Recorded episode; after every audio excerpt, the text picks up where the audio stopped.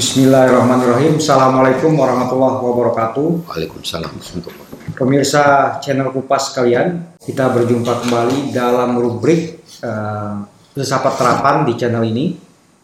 Bersama uh, kami di studio telah hadir uh, pembicara kita Ustadz Amar Fauzi.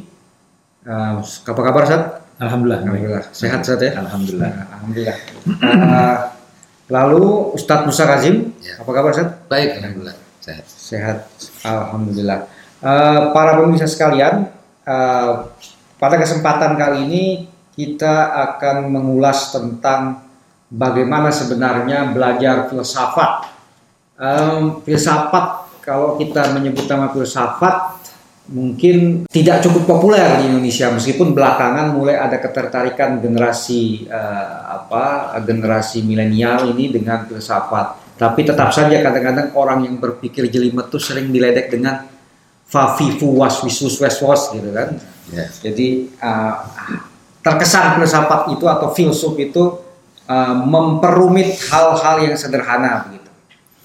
Nah uh, terus juga kalau dari sisi uh, link and match filsafat itu apa sih? Apa sih yang ditawarkan oleh filsafat untuk uh, pembelajarnya begitu? Hmm. apa sih nanti kalau kita kuliah filsafat jadinya apa nih gitu kan? Yeah. kerja apa? Iya kerja apa? Paling banter ya uh, pengkritik gitu kan atau dosen apa itu nah sebenarnya uh, mungkin ke Ustadz Amar terlebih dahulu nih sebagai salah satu dosen filsafat uh, di sebuah kampus di Indonesia. Uh, sebenarnya uh, ini nih mungkin pertanyaan yang paling dasar nih mungkin banyak yang ingin uh, apa mengetahui jawabannya. Uh, untuk apa sih kita belajar filsafat?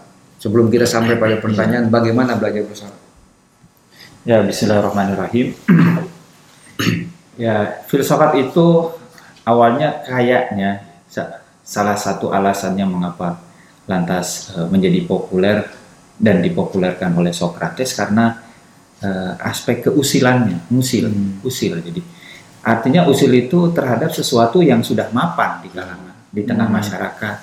Lalu ditanyakan lagi, hmm. misalnya opini-opini uh, yang di, di, dikenal di publik sekarang ini, misalnya begini selalu sekarang. Hmm. Kalau ngeritik jangan ya, cuma jangan cuma pandai mengkritik tapi mm. bawa solusi. Mm -hmm. Jadi seolah-olah sekarang ini kalau orang mengkritik nggak ada solusinya, kritiknya nggak mm -hmm. bernilai. Mm -hmm. Lalu filsafat datang, ah masa begitu. Mm -hmm. nah ini contoh-contoh seperti juga banyak contoh-contoh lain. Misalnya yang sering kali diulang dalam politik itu Lord Acton bilang power mm. tends to corrupt. Mm. Nah ini filosof datang apakah benar? hmm. setiap kekuasaan itu cenderung korup ataukah hmm. tidak. Hmm. Nah, ini hal-hal seperti itu diulang sampai ke, ke persoalan agama itu sendiri, Tuhan. Nah, hmm. Lalu dipertanyakan lagi dan karena itu pula Socrates lantas diseret ke pengadilan dan dihukum mati karena di antaranya dia mengubah keyakinan tentang ketuhanan dan merusak pikiran anak-anak muda. Hmm. Kalau sekarang kita mengurusak pikiran anak muda, ya harus bersaing. Hmm. Kecenderungan mereka ke mana? Karena itu salah satu pertanyaannya filsafat. Sekarang ini apakah masih uh, uh, masih bernilai untuk diajarkan kepada anak-anak ataukah tidak? Hmm. Nah, uh, karena aspek keusilannya ini ya sebelum kita menjawab terkait dengan persoalan tadi, ya kita timbang-timbang persoalan tadi pertanyaannya udah clear atau belum? Hmm jadi tadi apa e, pertanyaannya itu kalau tidak salah seberapa pentingnya? Uh, untuk apa? Untuk gitu? apa ya? Nah, salah satu Nanti uh, kalau tadi soal usil, jadi untuk apa sih usil? Ya. Nah, manfaat usil ya. apa? nah, untuk mengisi nilai pertanyaan ini, ya, pertama-tama ya kita harus dudukan filsafat itu apa. Hmm. Nah, sehingga kita tahu kira-kira filsafat mana hmm. yang memang dia uh, ada manfaatnya, hmm. ada kegunaannya, mana filsafat yang tidak ada kegunaannya. Dan dari sisi ini kita bisa tahu dengan filsafat saya kira bisa adil kita. Hmm. Karena dengan demikian ada peluang ternyata filsafat itu ada yang tidak gun- tidak ada gunanya. Hmm. Dan ya terima saja gitu. Hmm. Dan tentu dari sisi lain kita juga akan mendapatkan eh, celah filsafat juga ada gunanya. Tergantung ini bagaimana kita memaknai Hmm. filsafat. Eh, di satu tradisi filsafat itu sudah dikenal sebagai ilmu. Hmm. Karena ada ilmu maka ada ada sistematikanya, kemudian ada masalah-masalahnya, lalu ada Prinsip. metodenya, ya, ya prinsip-prinsip dasarnya lantas dibagi dua, ada yang konseptual, ada proposisional kan begitu. Hmm. Nah, ini terkait dengan filsafat sebagai ilmu. Hmm. Mana persoalan mendasar yang harus ditempuh terlebih dahulu dan mana persoalan terakhir sebagai kan- konsekuensi terakhir dari Hmm. eh, studi filsafat itu. Hmm. Jadi kalau ada orang bicara tentang filsafat sebagai ilmu, dia tidak bisa mengidentifikasi mana persoalan utamanya dan di titik akhir mana persoalan Anda selesaikan, itu berarti dia tidak sedang menempatkan filsafat sebagai ilmu. Hmm. Nah, ada lagi filsafat yang tampaknya umumnya berkembang, Hmm. bukan di tradisi ini tapi di tradisi lain dan ini juga kayaknya di Indonesia seperti itu, yaitu aktivitas, bukan ilmu tapi kegiatan Hmm. kegiatan mengaktifkan eh, nalar dan pikiran kita. Hmm. Eh, bagaimana kegiatan kita berpikir ya banyak Hmm. hal-hal yang kita pikirkan, tapi yang dimaksud dengan filsafat ini berpikir yang sedalam-dalamnya. Hmm. Nah ini kan sedalam-dalamnya juga relatif. Dalam itu sedalam ini direlasikan dengan yang mana? Dia menjadi mendalam. Boleh jadi ini mendalam dalam relasinya dengan X misalnya. Tapi dengan relasinya dengan X dia tidak mendalam gitu. Hmm. Jadi yang dimaksud dengan mendalam itu juga menjadi perdebatan di kalangan para pakar Indonesia minimal. Uh, salah satunya misalnya dari uh, siapa Diarkara mengatakan yang sedalam-dalamnya itu maksudnya sampai ke persoalan yang tidak bisa lagi ditanyakan. Hmm. Nah, jadi eh, yang kedua ini menekankan aktivitas, Hmm. berpikir bukan hanya rasional menggunakan akal, tapi terkait dengan persoalan yang sedalam-dalamnya. Hmm. Ada lagi yang ketiga, yaitu filsafat sebagai metode. Hmm. Mungkin ini yang eh, tampaknya juga sempat disinggung oleh Alamah Toba-Tobai dalam tradisi filsafat Islam dengan istilah fun gitu ya, yaitu seni. Hmm. Seni bagaimana memecahkan masalah.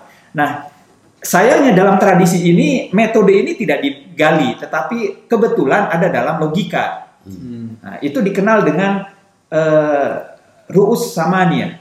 Dalam logika tradisional itu ada istilah itu, tapi tidak pernah muncul lagi sekarang. Dan bagaimana buku-buku logika dalam tradisi filsafat Islam itu dimulai dengan cara kita meneliti. Cara itu metode itu. Hmm. Dan itu ada tiga, kemudian diurai menjadi enam. Biasanya saya menyebutnya SOP penelitian dalam tradisi filsafat Islam.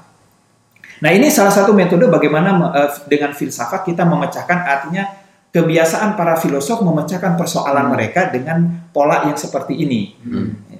Ada lagi yang keempat dan ini umum sekarang ini lagi rame gitu. Yaitu eh, nilai hidup. Bagaimana memecahkan Hmm. persoalan hidup. Hmm. Seperti yang buku misalnya eh, filsafat teras. Oh iya iya iya. Nah, itu Hmm. nggak nggak masuk kategori sebagai filsafat, filsafat sebagai ilmu, Ya. filsafat sebagai kegiatan berpikir, Ya. atau filsafat sebagai metode berpikir memecahkan. Tapi filsafat sebagai nilai-nilai yang self healing, Ya. self help gitu. Nah, ya. karena itu itu lebih mengena di kita ya Hmm. di, di sini dan saya kira ini perlu didudukan masing-masing. Ya. Kalau kita berharap dari filsafat kegunaannya eh, kegunaan dari filsafat sebagai ilmu Hmm. yaitu manfaatnya seperti orang membaca buku buku teras itu dia nggak akan Filsafat dapat teras. gitu. Hmm. Nah jadi saya kira perlu adil dulu kita eh, yang kita maksud dengan filsafat itu apa dan masing-masing tentu ketika kita mengharapkan eh, kegunaan dari satu ilmu ah, dari satu eh, filsafat saya kira tidak perlu kita lantas meminta dari filsafat memberikan sepenuhnya Solusi. ya solusi kadang-kadang kita dari filsafat itu eh, meminta bisa memecahkan semua masalah ya panesia gitu enggak filsafat itu hanyalah salah satu dari sekian ilmu Hmm. pengetahuan manusia yang berkontribusi dalam memecahkan masalah dan ikut eh, membangun peradaban manusia. Hmm. Ya, kalau tadi ada empat apa ya? Apa empat istilahnya empat apa itu? Empat jenis apa ya? Ya. Empat atau empat modus filsafat. Ya, kalau yang terakhir itu kan memang lagi tenar kan, lagi uh, sedang happening lah. Uh, jadi uh, buku-buku self help, ya kan, self motivation. Ya. Nah, itu kalau itu dipandang sebagai filsafat itu artinya keusilan tadi ada benar juga gitu kan ya. Ya. Membantu orang menghadapi stres, Ya. menghadapi tekanan hidup. Nah, tapi kalau kadang eh, yang itu oke lah mau dipahami sebagai filsafat atau tidak, tapi kadang orang nyinyir ini kan dengan filsafat yang eh, dikit-dikit nanya, eh, dikit apa, dikit-dikit mempersoalkan berbagai hal sampai ke dasar-dasarnya gitu kan. Nah, tadi anggapan-anggapan umum coba dibongkar lagi, dipertanyakan lagi. Ini kan keusilan yang bikin jengkel orang yang sudah nyaman dengan mapanan. Ustaz. Iya, ini sedikit tadi kan ada empat eh, Hmm. apa itu katakan empat dimensi filsafat atau empat aspek filsafat yang semuanya bisa memiliki eh, kegunaannya Ustaz ya Hmm. sendiri masing-masing. Tapi kalau kita mundur sedikit ke belakang dalam mendefinisikan filsafat, eh, Alamat Tabatai dalam buku yang sangat terkenal yang juga akhirnya dikomentari oleh Murtado Mutahari yaitu ra- apa usul falsafah wa rawese eh, rawese rawese realism atau prinsip-prinsip filsafat dan metode realisme realisme. Beliau itu bilang begini filsafat itu ada karena hakikatnya dia adalah kebutuhan fitri fitri Hmm. manusia. Jadi karena manusia punya kebutuhan fitri atau kebutuhan niscaya untuk mengetahui yang hakiki maka hadirlah filsafat Hmm. baik dia sebagai tadi disebutkan sebagai kegiatan berpikir ataupun Metode. sebagai metode memecahkan masalah. atau istilah tadi itu juga seni saya kira fun itu tadi sudah benar. Atau sebagai ilmu. Atau sebagai eh, tadi itu nilai-nilai. Hmm. Bagian mana pun yang kita eh, ambil atau kita eh, percayai sebagai filsafat yang jelas dia datang sebagai suatu kebutuhan fitri manusia untuk mengetahui yang hakiki mana yang asli mana yang palsu mana yang sebenarnya apa Dan itu memang manusia harus eh, punya kecenderungan begitu terus. Nah, punya kecenderungan selalu seperti itu. Ditolak atau tidak. Eh, ditolak atau tidak. Maka dari itu tadi kalau kita lihat historis secara historis, narasi kelahirannya kan datang dari seorang Socrates yang dia ingin opini publik yang berkembang ketika itu kembali kepada kebenaran. Karena opini publik ketika itu dikuasai oleh rezim yang memang mensofistikasi opini masyarakat. Katakanlah apa ya, membuat masyarakat itu jadi bingung. Jadi tidak tahu mana yang benar, mana yang salah. Akhirnya berpikir relatif bahwa moral itu relatif, benar salah itu relatif, bahkan tidak percaya dengan keberadaan dirinya sendiri. Nah, motivasi fitri manusia ini tadi tidak bisa dihilangkan kata Alam Tabatai. Dia akan ada either entah Anda mau mensistematikakannya atau tidak mensistematikannya. Maka dari itu Alam Tabatai mengatakan sebenarnya semua manusia yang masih normal, yang fitrahnya masih sehat, dia akan berpikir filosofis dalam pengertian mencari hakikat versus yang dihadirkan sebagai hakikat atau kepalsuan yang menyamar sebagai hakikat. Berarti eh, kalau orang beranggapan selama ini filsafat bisa berujung pada keraguan itu salah saya. Mestinya filsafat itu ujungnya keyakinan. Karena motivasi manusia untuk mencari kebenaran tidak semuanya didukung oleh eh, kesabaran, ketekunan, ke, eh, ke apa endurance ya, ketabahan untuk terus ngikutin. Ada sebagian orang yang sudah sampai di tengah udahlah capek, maka dia berujung kebingungan justru. Nah, saya kira itulah mengapa tadi saya setuju. Eh, mungkin kalau dari empat hal itu tadi saya lebih sepakat dan ini beberapa kali ada yang tanya, ini saya bilang filsafat menurut saya seni. Nah sebagai seni dia punya metodologi, dia juga sebagai ilmu, tapi yang lebih penting dia perlu pada latihan. Ya, ya, ya. Seni Nah. kan seni kan apa skill ya seni itu Skill. skill. Nah. Jadi nggak bisa dia bukan sesuatu yang bukan knowledge ya. Bukan knowledge. Bukan knowledge. Dia harus terus dilatih habit jadi habit. Ya, jadi habit dan itulah yang dalam bahasa ulama Islam disebut sebagai malakah. Lama-lama Hmm. orang yang belajar filsafat dan melatih untuk berfilsafat yaitu mencari hakikat, lama-lama dia tidak akan pernah puas dengan sesuatu yang tidak hakiki. Sebaliknya orang yang tidak melatih daya kritisnya tadi, Hmm. tidak berkegiatan filsafat, tidak punya disiplin filsafat, tidak punya metodologi filsafat dan tidak tahu sistematika filsafat pada akhirnya menerima saja yang palsu-palsu yang eh, semu-semu yang eh, hoax-hoax dia diterima. Hmm. Nah, ini saya kira di sinilah mengapa filsafat itu mengganggu kekuasaan. Hmm. Nah, mengganggu yang disebut sebagai kemapanan. Nah, yang mapan ini kan tidak semuanya benar, Hmm. ya kan? Premis-premis yang sudah ditetapkan sebagai kenyataan dan fakta ini kan tidak semuanya benar. Nah, yang menetapkan itu kan kekuasaan. Ya. Gimana tanggapan Antum? Jadi makanya filosof dan filsafat di negara yang ingin stabilitas seperti negara Yunani menghadapi Socrates. Socrates akan menghukum mereka yang berfilsafat karena filsafat dianggap usil Iya. dan mencoba mendekonstruksi bongkar-bongkar sesuatu yang udah rapi disodorkan kepada masyarakat sebagai realitas dan fakta dan data, Ya. statistik dan lain sebagainya gitu. Ada satu hal yang ingin saya tanyakan. Berarti filsafat juga bisa mempertanyakan dirinya sendiri.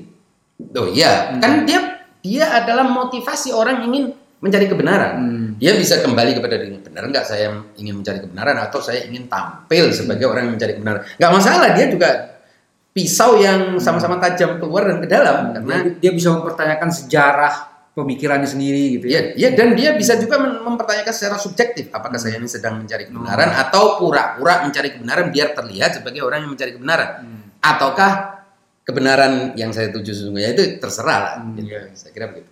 Oke, eh, nah sekarang ini entah nanti antum mau eh, tambahkan, tapi ya- yang pertanyaan berikutnya ini, eh, ini kan karena kita filsafat praktis, ini orang ini kan bingung nih, belajar filsafat mulainya dari mana dan dan seperti apa sih mestinya? Kalau, kalau tadi, oke, kalau tadi Ustaz Musa bilang ini skill, lebih lebih kepada skill, Seni, bukan- seni, eh, ya. maksudnya seni lebih eh, daripada eh, knowledge, Ya. artinya apa yang harus di- dilatihkan gitu. Bagaimana belajar filsafat atau bagaimana melatihkan diri untuk berfilsafat? Saya kira yang dipilih Ustaz- oleh Ustadz Lam, Ustadz Musa ini bisa mengakomodasi semua eh, kegunaan-kegunaan dari empat pengertian filsafat tadi. Jadi kalau kita fokus pada filsafat sebagai ilmu, boleh jadi kita tidak mendapatkan kegunaan yang kita perlu, Hmm. yang kita harapkan dari filsafat sebagai eh, kegiatan berpikir. Hmm. Boleh jadi ada orang pandai dia Hmm. mengajarkan filsafat sebagai ilmu ya, Hmm. Kaidah-kaidahnya, rumusan-rumusannya, kesimpulan-kesimpulannya, tapi itu tidak tercermin dalam kehidupan dia, dalam Hmm. eh, kekuatan dia memilih, menimbang, memprioritaskan satu dengan yang lain, kok nggak ada Hmm. dampak filosofisnya. Hmm. Tapi kalau dalam ujian atau memberi ujian, dia paling pandai mungkin di ya. situ. Ya, banyak mahasiswanya boleh jadi Hmm. punya eh, status sosial di akademisnya, tapi tidak berdampak. dampak. Nah, saya kira eh, kalau kita memulai dari filsafat sebagai seni, itu akan merangkum semua, Hmm. akan akan mengakomodasi semua. Yaitu bagaimana umum misalnya eh, da, filsafat sebagai ilmu ya biasa memulainya biasanya dari logika. Hmm. Dan kalau kita amati logika yang tradisional, bukan yang sekarang ya, karena tidak kita temukan. Hmm. Di mana logika yang tradisional itu seperti misalnya di Asasul Iktibas karya Khojeh Nasruddin At-Tusi Hmm. yang segaris dengan filsafatnya Ibnu Sina, itu di awal-awal kita temukan bagaimana meng- me- eh, berpikir secara filosofis, yaitu dengan meng- mengawali bagaimana kita bertanya yang benar. Hmm. Hmm. Bagaimana sih bertanya yang benar itu? Kemudian kalau sudah dipastikan pertanyaannya benar, berikutnya diproses bagaimana bertanya yang baik. Hmm. Beda bertanya yang benar dengan yang baik. Hmm. Dan itu juga di, di kebetulan dalam tradisi Islam itu juga ditekankan bahkan nilai bertanya itu separuh dari pengetahuan. Hmm. Pertanyaan yang tidak benar atau yang tidak baik tidak perlu diproses.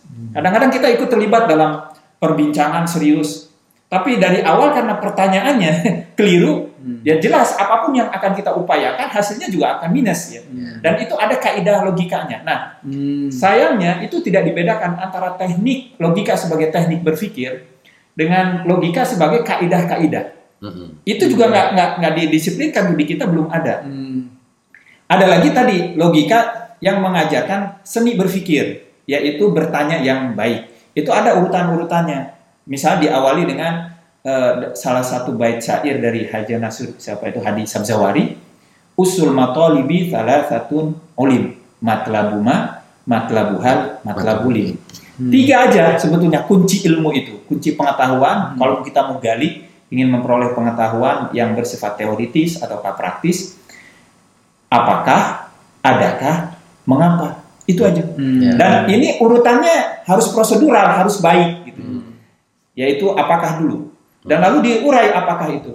Ada apakah ter- eh, leksikologis, apakah etimologis, lalu berikutnya apakah terminologis. Ini kita cukup baik. Dan sayangnya ini tidak dimanfaatkan. Sekarang sudah jadi ilmu sendiri. Hmm. Ilmu bertanya, science of question. Itu ada. Sekarang itu ilmu bertanya. Sudah Hmm. jadi ilmu.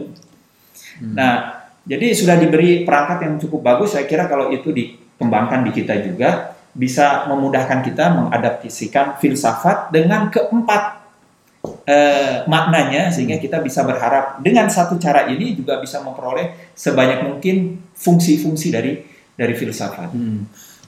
Oke, eh, tadi antum memberi contoh apakah ya? Ya. Kalau adakah Nah, itu konteksnya kalau mengapa eh, saya masih bisa membayangkan tapi kalau adakah itu Nah, tuh itu tahapan masuk Tahapan kedua ya. Setelah kita soal apa me- nih? menuntaskan Hmm. apakah, baru bicara tentang adakah. hmm. Hmm. Misalnya begini, kita contoh yang paling sederhana ya. Eh, lagi sempat ramai kan tentang UFO. Hmm. UFO. UFO ini ada atau tidak ada? Sebentar. UFO ini apa? Hmm. Hmm. Apa dulu? Karena bicara tentang apa belum tentu kita lantas bisa memastikan adakah. Hmm. Juga bicara tentang adakah belum tentu memastikan apakah. Hmm. Hmm. Ya, Putri Duyung itu apa sih? Sekarang lagi eh, orang nggak belum bisa memastikan Putri Duyung itu ada atau tidak. Tapi kita bisa membicarakan Putri Duyung kan? Ya, ya. Ya, yaitu makhluk yang dia hidup di air, berkepala manusia, bertubuh ikan. Hmm. Nah, berikutnya kalau itu udah tuntas, Hmm. lalu ada. Hmm. Kalau sudah ada, baru bicara tentang esensinya. Ini hakikatnya apa? Dia itu ikan atau manusia? Hmm. Nah, itu kan tahapan-tahapan. Nggak boleh dilanggar itu. Betul. Dimaju- Misalnya tentang COVID juga begitu. Dulu sempat ramai corona itu. Nah, ini Ya kan? men- menarik nih kita 2000, menerapkan ya. pada hal yang aktual. 2020 19 orang ribut. kan. Hmm. Ada nggak sih bilang Oke. pejabat nggak ada itu lalu di di apa namanya dimainkan misalnya oh corona udah discontinue Hmm. itu kan terkait dengan apa mau merek mobil Hmm. corona merek mobil artinya saking itu nggak ada di Indonesia Ya. tapi penafsiran tentang apakah corona macam-macam mulai dari virus itu dari kelelawar sekarang udah nggak udah lupa kan orang Hmm. lalu katakan itu bala tentara Tuhan yang Ya.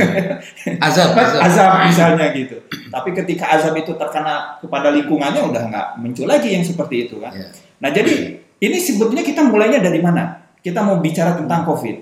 Nah masalah COVID yang paling penting lagi yang tidak tidak digali secara filosofis itu ketika bicara kenapa COVID, Hmm. Ya, kenapa ya, ya. terjadi COVID. Hmm. Orang kan akhirnya Itu itu le- level berikutnya ya. level berikutnya kalau udah tuntas apakah COVID, adakah COVID? Hmm. Ternyata ada. Hmm. Lalu berikutnya kenapa, Kenapa? COVID ini terjadi? Hmm. Nah, ini kenapa ini dibagi dua oleh oleh filsuf muslim biasanya. Hmm. Kenapa ber- me- menggal- ingin menggali Hmm. mendapatkan keterangan tentang sebab-sebabnya. Kita biasanya fokusnya ke sini nih. Hmm. Makanya kita ngandalkan virologi atau ke laboratorium. Hmm. Oh, sebabnya karena dari kelelawar, dari binatang lain ya ini karena jadi virus kan gitu. Tapi nggak yang kedua nggak pernah nih disinggung yaitu eh, kenapa yang berarti ingin mendapatkan keterangan terkait dengan maksud terjadinya sesuatu. Hmm. Kalau kita tanya, kenapa kita duduk sekarang di sini? Hmm. Kenapa ini ada dua? Bisa artinya kenapa mencari sebab-sebab? Oh, saya datang ke sini karena diundang, misalnya Hmm. begitu ya, Hmm. oleh Kupas Hmm. untuk aktif di sini Hmm. menyampaikan eh, berdiskusi. Itu kan sebab yang melatar belakangi. Hmm. Ada lagi nggak sebab yang ingin kita capai? Misalnya Hmm. apa? Berbagi ilmu. Mm-mm. Nah, ini yang kedua ini di COVID jarang di yang digali. Kenapa COVID terjadi? Karena apa? Karena maksud itu ada kaitannya dengan manusia. Masih ada human error. Nah, kalau kita bicara ini langsung dihadang Ya. oleh teori konspirasi. Anda bicara ini ada teori. Gitu. ini salah satu eh, sekarang ini saya justru eh ini teori konspirasi ini bentuk dari eh, falasi ini. Mm-mm. Dihadang kita dengan teori konspirasi, udah jangan usah nggak usah bahas yang begitu. Sekarang lagi lagi rame antara Amerika dengan Cina kan ini Mm-mm. untuk menyoal, untuk mengklirkan kenapa yang kedua ini. Jadi sebenarnya apa metode berpikir yang pada dasar itu sangat sederhana Sangat sederhana sebetulnya. Itu merupakan Jadi gini, tadi kan Ustaz eh, Ammar sudah bicara tentang adakah, Hmm. apakah, dan Mengapa. mengapa. Hmm. Sebetulnya kalau kita mau lihat kenyataan sekarang kehidupan, yang paling eh, mendisiplinkan pertanyaan-pertanyaan itu kan sebenarnya jurnalisme. Iya. 5W satu H. Iya. Dan akhirnya kalau kita lihat sebetulnya jurnalisme yang benar ya sesuai standar saat itulah yang paling filosofis, Hmm. paling me- eh, mengikuti kaidah filsafat dan paling filosofis dalam pengertian hasil akhirnya yaitu apa? Menggugat fakta-fakta yang dianggap Hmm. sebagai eh, established facts atau fakta-fakta yang sudah diterima oleh umumnya orang. Dan karena itu pula sebetulnya disiplin jurnalisme yang benar itu sebenarnya sudah Isu besar. menjalankan agendanya Socrates. Hmm. Hanya saja kan jurnalisme apa? Nah, anda juga jurnalis kan tahu sendiri. Seringkali kan dikooptasi oleh korporasi, Hmm. oleh dan juga mungkin background saya sebagai uh, orang Muslim atau sebagai orang Ya. Sunda, Nah. kadang-kadang melatari kan. Nah, tapi seharusnya para jurnalis itu hakikat fungsi mereka adalah pembawa kebenaran, pembawa sesuatu yang fakta, kan begitu. Nah itu sebenarnya tugas filosof. Filosof. Jadi kalau ditanya tadi kembali kepada apa yang saya sampaikan, eh, kerja di mana orang belajar filsafat? Yang paling tepat kerja di sebagai jurnalis. Tetapi jurnalisme Yang- yang, independen, yang tidak di bawah bayang-bayang korporasi dan kekuatan kapital tertentu. Iya. Nanti fungsinya apa untuk masyarakat? Ya sama seperti fungsi jurnalisme pada umumnya media massa yang sebenarnya bukan media massa yang bekerja untuk suatu kepentingan Tadi korporasi yang atau bilang tadi apa menegaskan atau menyatakan kebenaran di tengah keraguan. ya dan juga pada akhirnya mengantarkan fakta-fakta Hmm. eh, kepada masyarakat dan juga membongkar yang tampil sebagai seolah-olah fakta Hmm. sebagai bukan fakta. Tidak ada faktanya. Nah, tetapi kita lihat Pak Firman, sebagaimana ada proses panjang untuk membuang filsafat dan mengubur filsafat sebagai filsafat. Sekarang juga terjadi proses panjang untuk mengubur jurnalisme dalam pengertian yang hakiki Hmm. dan menjadikan jurnalisme itu tunduk pada kepentingan-kepentingan yang established Hmm. atau mapan. Dan saya kira itu eh, apa yang terjadi 3000 tahun yang lalu mungkin ya eh, Socrates juga terjadi pada jurnalis-jurnalis yang baik. Hmm. Kita sudah seringlah mendengar Iya. jurnalis dikejar-kejar, Hmm. diintimidasi dan dipersekusi di berbagai negara. Nah, saya kira eh, ini yang paling eh, mas eh, paling sinkron lah dengan kegiatan filsafat sebagai kegiatan berpikir atau filsafat sebagai kegiatan berpikir, filsafat sebagai seni.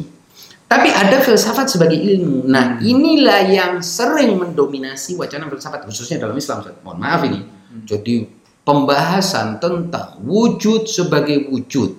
Kemudian wujud berbeda dengan mahya. Wah, ini yang mau nyampe ke sana ini perlu perjuangan lebih panjang daripada sekedar kegiatan berpikir kan Ustaz?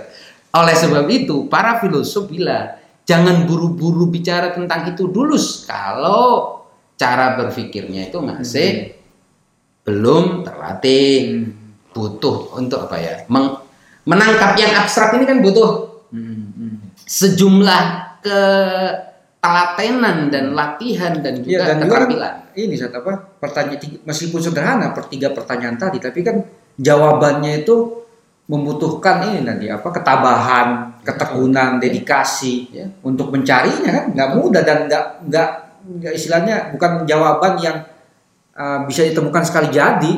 Ya bisa. Ya, Ya, kayak jurnalis kan dia harus hubungi Mm-mm.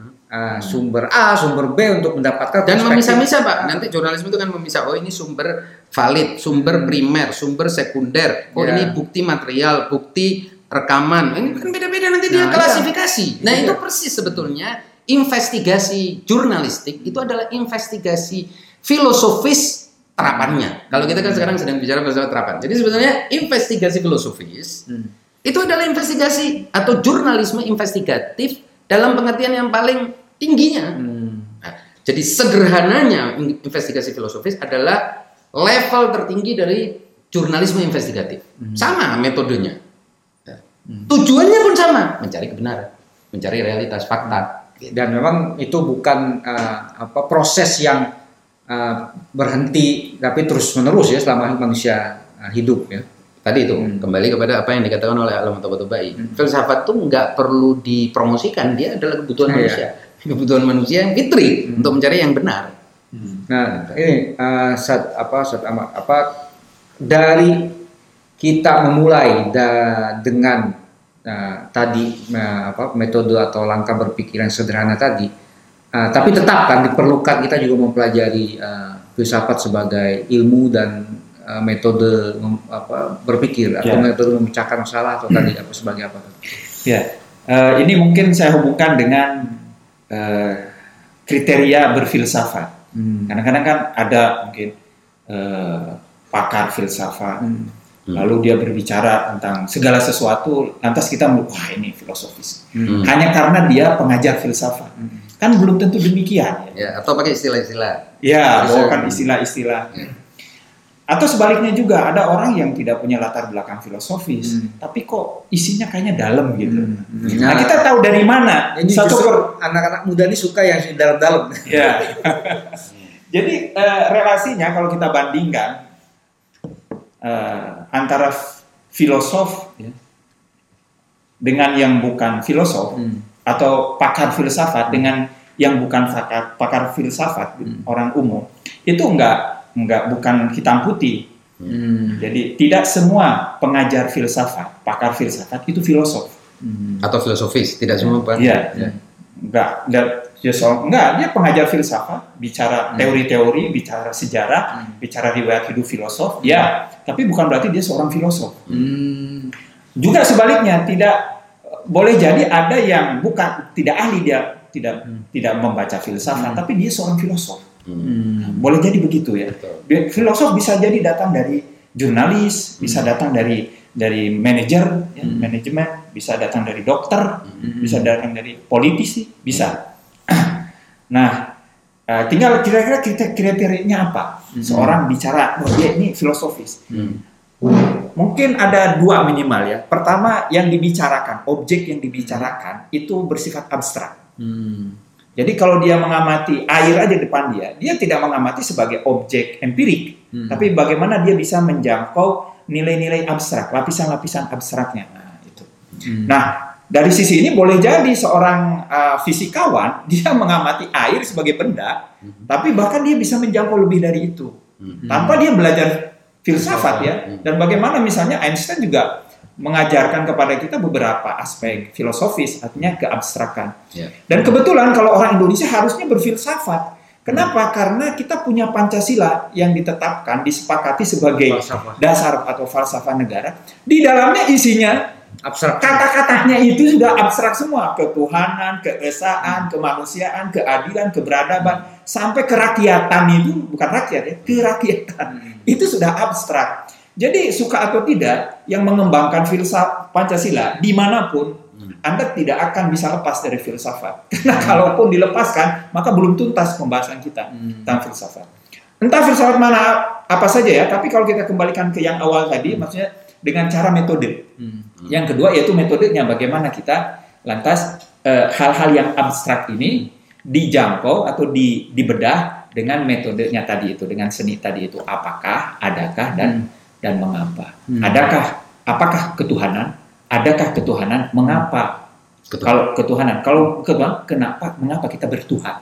Hmm. Nah, itu beda lagi dengan Tuhan kan, kaitan dengan kita. Hmm. Nah, jadi saya kira perlu digali itu dengan pola-pola tadi itu. Hmm. Betul. Ada tambahan? Ya mungkin tadi itu. Jadi jurnalis itu salah satu contoh. Tapi umumnya ilmuwan saya kira eh, mereka eh, dikenal atau tidak dikenal, diakui atau tidak diakui, atau mengakui atau tidak mengakui, mereka semuanya menggunakan disiplin dan seni filosofis dalam pengertian bahwa mereka berjalan untuk mencari realitas dan hakikat. Karena mereka kan umumnya eh, seperti tadi ada politisi yang berpikir filosofis, ada pengusaha yang berpikir filosofis, ada tadi ekonom yang berpikir filosofis, ada yang filosof eh, yang pakar filsuf, filsafat tidak filosofis, ada juga dan itu sangat umum. Nah, saya kira di mana eh, apa ya benang merahnya? Hmm. Di benang merah filsafat itu di mana? Kalau saya setuju bahwa benang merah filsafat itu adalah apakah kegiatan itu atau seni itu atau metode itu atau ilmu itu berujung untuk kita menemukan kebenaran atau tidak. Kalau dia berujung untuk menemukan kebenaran, realitas dan hakikat berarti dia filosofis.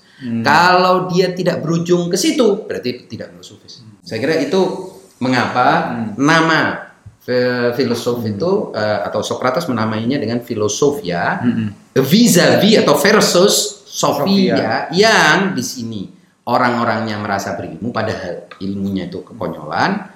Di sini merasa tidak berilmu deh. Katakan saya nggak tahu masih banyak pertanyaan, tapi ujungnya mau mencari kebenaran. Hmm.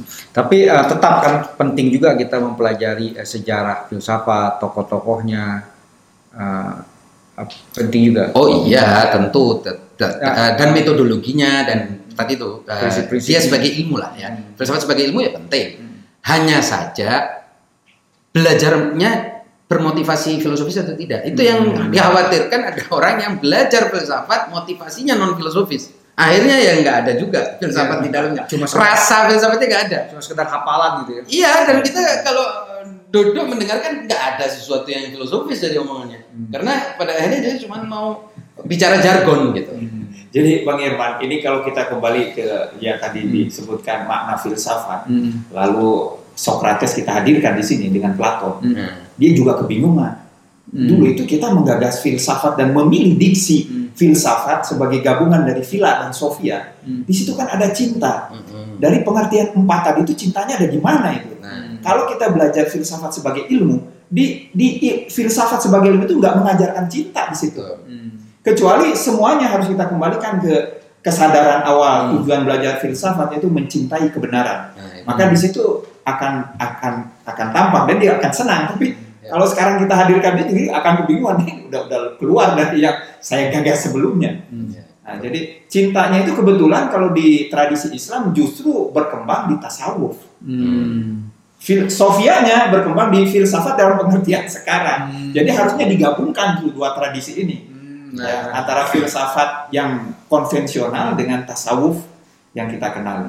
Eh, Demikian para bisa sekalian eh, pembahasan kami eh, tentang apa bagaimana belajar filsafat. Tadi ada eh, apa eh, yang kita bisa eh, ambil dari penjelasan Ustaz Amar dan Ustaz Musa adalah bahwa sebenarnya kegiatan atau filsafat sebagai seni itu bisa menjadi dasar kita memulai untuk uh, belajar filsafat. Sa- Rumusnya sederhana tadi dikatakan Ustaz Amar adalah soal uh, kita harus selalu bertanya tentang apa, adakah, apakah, adakah, dan mengapa. Nah, dan ini semua uh, identifikasi yang menurut Ustaz Musa uh, adalah uh, mencari atau menuju kepada uh, kebenaran itu baru ciri kegiatan atau uh, seni berfilsafat. Hmm. Nah, sementara filsafat sebagai ilmu eh, tetap penting, tapi yang lebih mendasar tadi adalah filsafat sebagai seni atau eh, kegiatan berpikir. Demikian pemirsa sekalian, kurang lebihnya kami mohon maaf. Billahi taufiq wal hidayah. Wassalamualaikum warahmatullahi wabarakatuh. Waalaikumsalam warahmatullahi wabarakatuh.